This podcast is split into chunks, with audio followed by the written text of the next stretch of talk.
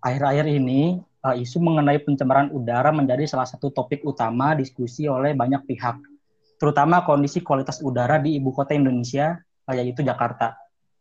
Hal ini menjadi isu hangat dikarenakan hasil kualitas udara yang ditunjukkan oleh aplikasi air visual uh, yang menyatakan bahwa Jakarta memiliki kualitas udara yang buruk dibandingkan dengan kota-kota lain di seluruh dunia. Selain itu, masyarakat Jakarta pada umumnya juga mengeluhkan kondisi kualitas udara ini uh, yang dikhawatirkan dapat memberikan dampak negatif terhadap kesehatan mereka. Nah, kali ini aku mau, uh, mau membahas hal uh, hal tersebut, tapi aku nggak sendirian nih. Tapi bareng dua teman aku, yaitu Mas Prasojo, uh, atau kita bisa panggil Mas Pras, dan uh, dan Anissa Salsabila, atau kita bisa panggil Ayah. Gimana nih kabar kalian nih? Baik-baik aja atau gimana nih? Alhamdulillah baik. Baik, baik. Alhamdulillah. Alfian gimana? Apa kabar? Baik, Alhamdulillah. Aku juga. Nah, yuk kita lanjut lagi. Seperti yang kita ketahui, di Jakarta itu kualitas udaranya sangat buruk kan. Nah, gimana sih pendapat kalian tentang udara Jakarta? Uh, atau kalian bisa uh, berikan gambaran secara umum deh, gimana sih uh, kualitas udara di Jakarta tuh? Gitu. Ya, silahkan dari, um, uh, mungkin dari Ayah dulu kali ya. Oke. Okay. Kalau menurut gue sih, ya seperti yang kalian tahu, ibu kota sibuknya kayak gimana sih. Banyak uh, kendaraan berlalu lalang, baik dari pagi, siang, sampai malam pun masih banyak gitu. Nah, kendaraan ini tuh baik transportasi umum atau kendaraan pribadi tuh kan banyak banget kan. Nah, emisinya itu adalah salah satu uh, polutan yang bikin kualitas udara Jakarta ini jadi kurang baik.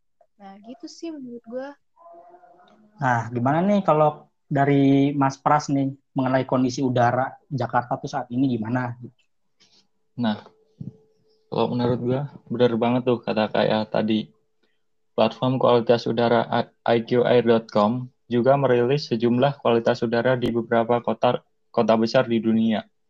Pada Senin 19 April 2021 kemarin, iqair.com merilis DKI Jakarta sebagai kota keempat dengan kualitas udara terburuk di dunia. Urutan pertama dengan indeks kualitas udara atau Air Quality Index atau AQI tertinggi adalah New Delhi, India, dengan nilai AQI di angka 177. Disusun Wuhan, China, dengan nilai AQI 153. Urutan ketiga terdapat Beijing dengan nilai AQI sebanyak 153 dan DKI Jakarta dengan nilai AQI 152. Indeks AQI Jakarta dengan nilai 152 tersebut dikategorikan sebagai kategori tidak sehat dengan polutan utama PM2,5. Nah, kan barusan kan disebut ini mengenai PM25. Emang apa aja sih uh, indikator kualitas penunjuk udara tuh gitu? Uh, uh, atau bisa jelaskan mengenai PM uh, dua setengah itu gimana kak mengenai PM dua setengah itu apa sih? Nah, jadi dua setengah atau partikulat adalah partikel debu yang berukuran 2,5 mikron. Jika kita bandingkan dengan sehelai rambut manusia, setara dengan sepertiga puluhnya. PM dua setengah dianggap sebagai partikel udara paling mematikan bagi manusia, lantaran sangat mudah memasuki sistem pernapasan um, PM2,5 itu membuat manusia mudah terserang penyakit pernapasan, asma, penyakit jantung, hingga memicu kematian. PM2,5 dinilai lebih berbahaya dari partikel 10 karena tidak disaring dalam sistem pernapasan bagian atas dan langsung menempel pada gelembung paru-paru, sehingga dapat menurunkan kemampuan paru-paru dalam pertukaran gas. PM2,5 terdapat di berbagai tempat, baik itu di luar maupun dalam ruangan. Di luar ruangan, PM2,5 terkandung dalam polusi asap hampir semua jenis kendaraan bermotor, seperti mobil, truk, bus, dan angkot. Di Jakarta, rasa-rasanya hampir setiap waktu kita menemui itu sepanjang jalan. Tak hanya berasal dari asap kendaraan, PM2,5 juga muncul dari cerobong asap pabrik. Asap hasil pembakaran kayu, minyak, batu bara, atau akibat kebakaran hutan dan padang rumput. Sementara itu, di dalam ruangan, PM2,5 berasal dari asap rokok, asap memasak, asap lilin atau minyak lampu, atau dari asap perapian. Sebagai catatan, polusi udara baik di dalam maupun di luar ruangan dapat saling berkontribusi karena udara bergerak dari dalam gedung keluar dan sebaliknya. Nah, tadi kan sudah dijelaskan mengenai PM 2,5. Nah, emang PM itu tuh terdiri dari unsur apa aja sih, Kak? Atau ada uh, ada unsur kimia atau ada unsur fisikanya? Gimana tuh, Kak? Um, Oke. Okay. Umumnya, unsur kimia yang terdapat dalam PM adalah ion sulfat, nitrat, ion amonium, ion inorganik seperti sodium, potasium, kalsium, magnesium, dan klorida organik dan elemen karbon. Selain itu, material padat, partikel air, metal termasuk tembaga, nikel, kadmium, vanadium, dan seng, dan karbo, hidro, hidrokarbon ar, aromatik polisiklik itu. Selain itu, juga terdapat unsur biologi seperti alergen dan senyawa bakteri. PM sendiri dapat muncul secara langsung dalam udara atau terbentuk di atmosfer yang disebabkan oleh gas seperti SO2, NO, NH3, dan senyawa organik yang mudah menguap. Nah, kita kan udah tahu banget nih kondisi kualitas Jakarta tuh kayak gimana gitu. Nah, tapi ada gak sih kebijakan yang dapat membantu mengurangi polutan tersebut, Kak? Ada tuh. Wah, kebijakan yang kayak gimana, Kak? Ada nih kebijakan dari Pemprov DKI Jakarta soal uji emisi kendaraan. Nah, tujuannya adalah melihat apakah emisi yang dikeluarkan kendaraan tersebut sesuai dengan standar atau enggak. Dan standarnya itu mengukur bahwa emisi itu tuh berbahaya nggak sih untuk um, lingkungan, terutama untuk kualitas udara di Jakarta. Tapi ya ada satu kebijakan yang menurut gue sih itu bertentangan ya sama kebijakan ini sama kebijakan dari Pemprov DKI Jakarta hmm. yang tujuannya itu untuk memperbaiki kualitas udaranya Wah, wah menarik banget nih. Kebijakan yang kayak gimana kak? Uh, ya yang sangat bertentangan dengan kebijakan itu kak? Ya menurut gue sih kebijakan ini bertentangan banget. Dan itu tuh bahkan dikeluarin sama Kementerian Keuangan dan Kementerian uh, Perindustrian. Itu ada kebijakan penurunan PPNBM atau pajak penjualan atas barang mewah. Nah, itu tuh udah berlaku sejak Maret 2021. Apa sih kebijakannya? Nah, ini tuh pajak bagi beberapa tipe kendaraan, khususnya tipe kendaraan roda 4 yang diproduksi di dalam negeri itu bakal dikurangin PPNBM-nya dan itu udah diatur dari keputusan Menteri Perindustrian nomor 169 tahun 2021 tentang kendaraan bermotor dengan pajak penjualan atas barang atas penyerahan barang kena pajak yang tergolong mewah ditanggung oleh pemerintah pada tahun anggaran 2021.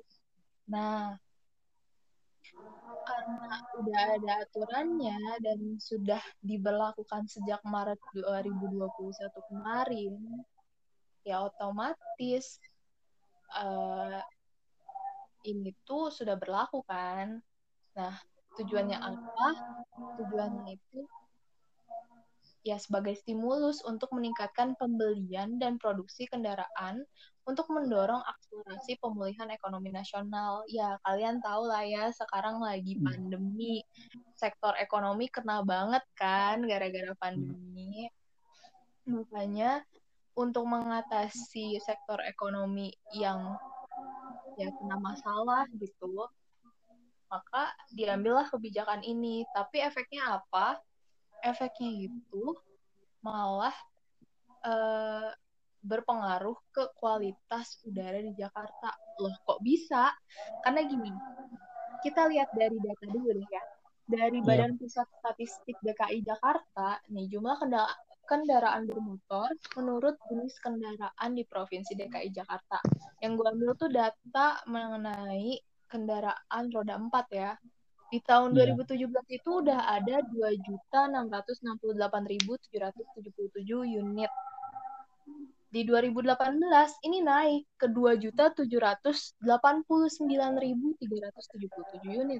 Dan di 2019 naik lagi di 2.805.989 unit. Nah, tiap tahunnya kan udah naik ya. Itu padahal belum diberlakukan kebijakan mengenai penurunan PPNBM tersebut. Nah, gimana nanti kalau misalnya uh, sudah dijalankan kebijakan ini, ya otomatis kendaraan bermotor juga ikut naik. Kenapa? Ya logikanya pajak itu kan digunakan untuk mengatur uh, jumlah barang yang beredar di masyarakat ya. Jadi kalau misalnya hmm. pajaknya aja diturunin, ya otomatis masyarakat lebih dipermudah untuk membeli mobil nggak sih? Yang kalau misalnya makin tinggi kuantitas mobil yang ada di Jakarta, otomatis kuantitas polutan yang ada di udara di DKI Jakarta pun juga makin meningkat.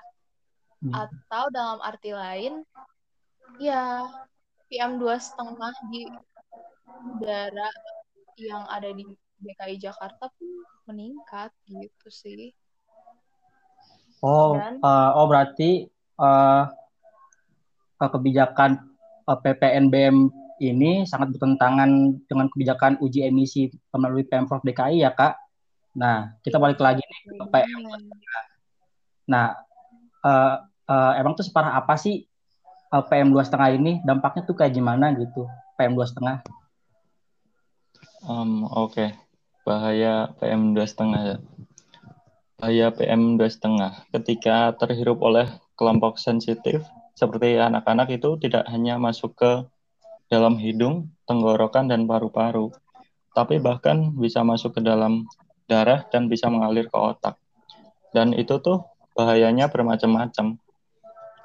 Beberapa peneliti epidemiologi berpendapat bahwa partikel halus sangat berbahaya karena menembus bagian terdalam dari paru-paru dan sistem jantung. Nah, itu menyebabkan gangguan kesehatan di antaranya infeksi saluran pernafasan akut, kanker paru-paru, penyakit kardiovaskular, bahkan kematian. Partikel udara halus seperti PM2,5 ini diperkirakan dapat memberikan kontribusi besar pada angka kematian yang diakibatkan oleh gangguan kesehatan terkait pencemaran udara. Wah, uh, wah berarti dapat kita simpulkan berarti PM setengah ini sangat sangat berbahaya ya. Ditambah lagi dengan uh, ditambah lagi dengan kebijakan yang baru dikeluarkan oleh pemerintah. Nah, uh, ada saran nggak sih untuk kita nih sebagai masyarakat atau sebagai pemerintah uh, untuk mengurangi polusi udara tersebut, Kak? Gitu. Nah, untuk mencegah terjadinya dampak buruk yang mungkin disebabkan oleh buruknya kualitas udara, Penting bagi kita sebagai masyarakat umum untuk mengetahui cara menjaga kebersihan udara, seperti mengurangi penggunaan kendaraan pribadi dan menggunakan fasilitas transportasi umum, menggunakan sepeda atau berjalan kaki, mengupayakan pengurangan pembuangan gas-gas sisa pembakaran, mengurangi dan menghindari penggunaan gas-gas kimia. Lalu, pembuat kebijakan atau pemerintah ya juga perlu ambil perlu andil dalam upaya mengurangi polusi udara. Mungkin dengan cara membuat suatu kebijakan yang mendukung dalam upaya menjaga udara agar tetap bersih dan mengurangi emisi gas buang yang dapat menghasilkan polutan-polutan yang akan berdampak buruk bagi udara. Maka, pemerintah daerah dan pemerintah pusat harus peka terhadap persoalan polusi udara ini. Misalnya dengan menjalankan strategi untuk memperbaiki kualitas udara serta meningkatkan standar kualitas udara di Jakarta. Tentu fokus utama dan strategi itu harus meliputi pengurangan polusi dan berbagai sektor penggunaan energi seperti transportasi, pembangkit listrik, dan industri. Nah, strategi itu tentu harus dibarengi dengan memperketat beragam regulasi terkait emisi di sektor-sektor tersebut. Upaya-upaya yang bisa dilakukan di antaranya adalah menyediakan fasilitas public transportation, menekan jumlah penggunaan kendaraan pribadi, membuat kebijakan yang mengatur pembuangan emisi dari pabrik atau industri agar mengelola gas buang yang mereka hasilkan dari aktivitas industri sebelum melakukan pembuangan, ataupun kebijakan-kebijakan lain yang dapat menekan laju peningkatan polusi. Tak hanya pemerintah yang harus bergerak dalam meng dalam mengurangi polusi udara, manusia-manusia yang uh, hidup dan tinggal di ibu kota pun harus sadar terhadap kualitas udara di Jakarta. Apalagi bagi masyarakat yang memiliki mobilitas tinggi dan setiap hari ber, bepergian untuk bekerja, tentu akan lebih sering terpapar polusi.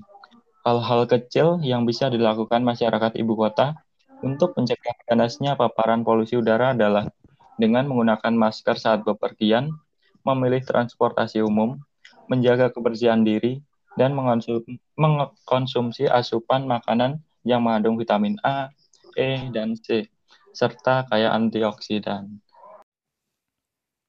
Seperti yang kita ketahui, sebegitu pentingnya kebersihan udara bagi lingkungan kita dan juga berpengaruh terhadap aktivitas dan kehidupan manusia. Yang perlu digarisbawahi, kita juga perlu menjaga udara untuk diri kita sendiri. Jadi gimana kalau kita memulai dari diri kita sendiri untuk aware terhadap udara uh, di sekitar kita. Pentingnya bagi kita untuk sama-sama peduli akan masalah yang terjadi berkaitan dengan udara. Sebenarnya ini juga ada peran atau campur tangan dari para pemangku kepentingan dan pembuat kebijakan. Kalau misalnya pemerintah aware dengan masyarakatnya, ya bukan mendiskreditkan ya. Cuman ada kebijakan yang menurut kita kok kurang pas. Misalkan dalam kondisi seperti ini, diperlakukannya kebijakan penghapusan PPNBM yang memang ada tujuan khusus yang mungkin itu baik. Tapi di sisi lain, kebijakan penghapusan PPNBM ini malah memperparah keadaan uh, khususnya polusi udara. Kebijakan itu malah membuat angka jumlah penggunaan kendaraan pribadi mengalami peningkatan, uh, yang artinya semakin banyaknya penggunaan kendaraan pribadi maka akan terjadi peningkatan polusi yang diakibatkan oleh asap kendaraan. Memang pada akhirnya uh, ekonomi dan lingkungan saling berbenturan namun perlu kita sadari, eh, lingkungan pun juga perlu dijaga. Karena menjaga lingkungan sama saja menjaga diri kita sendiri.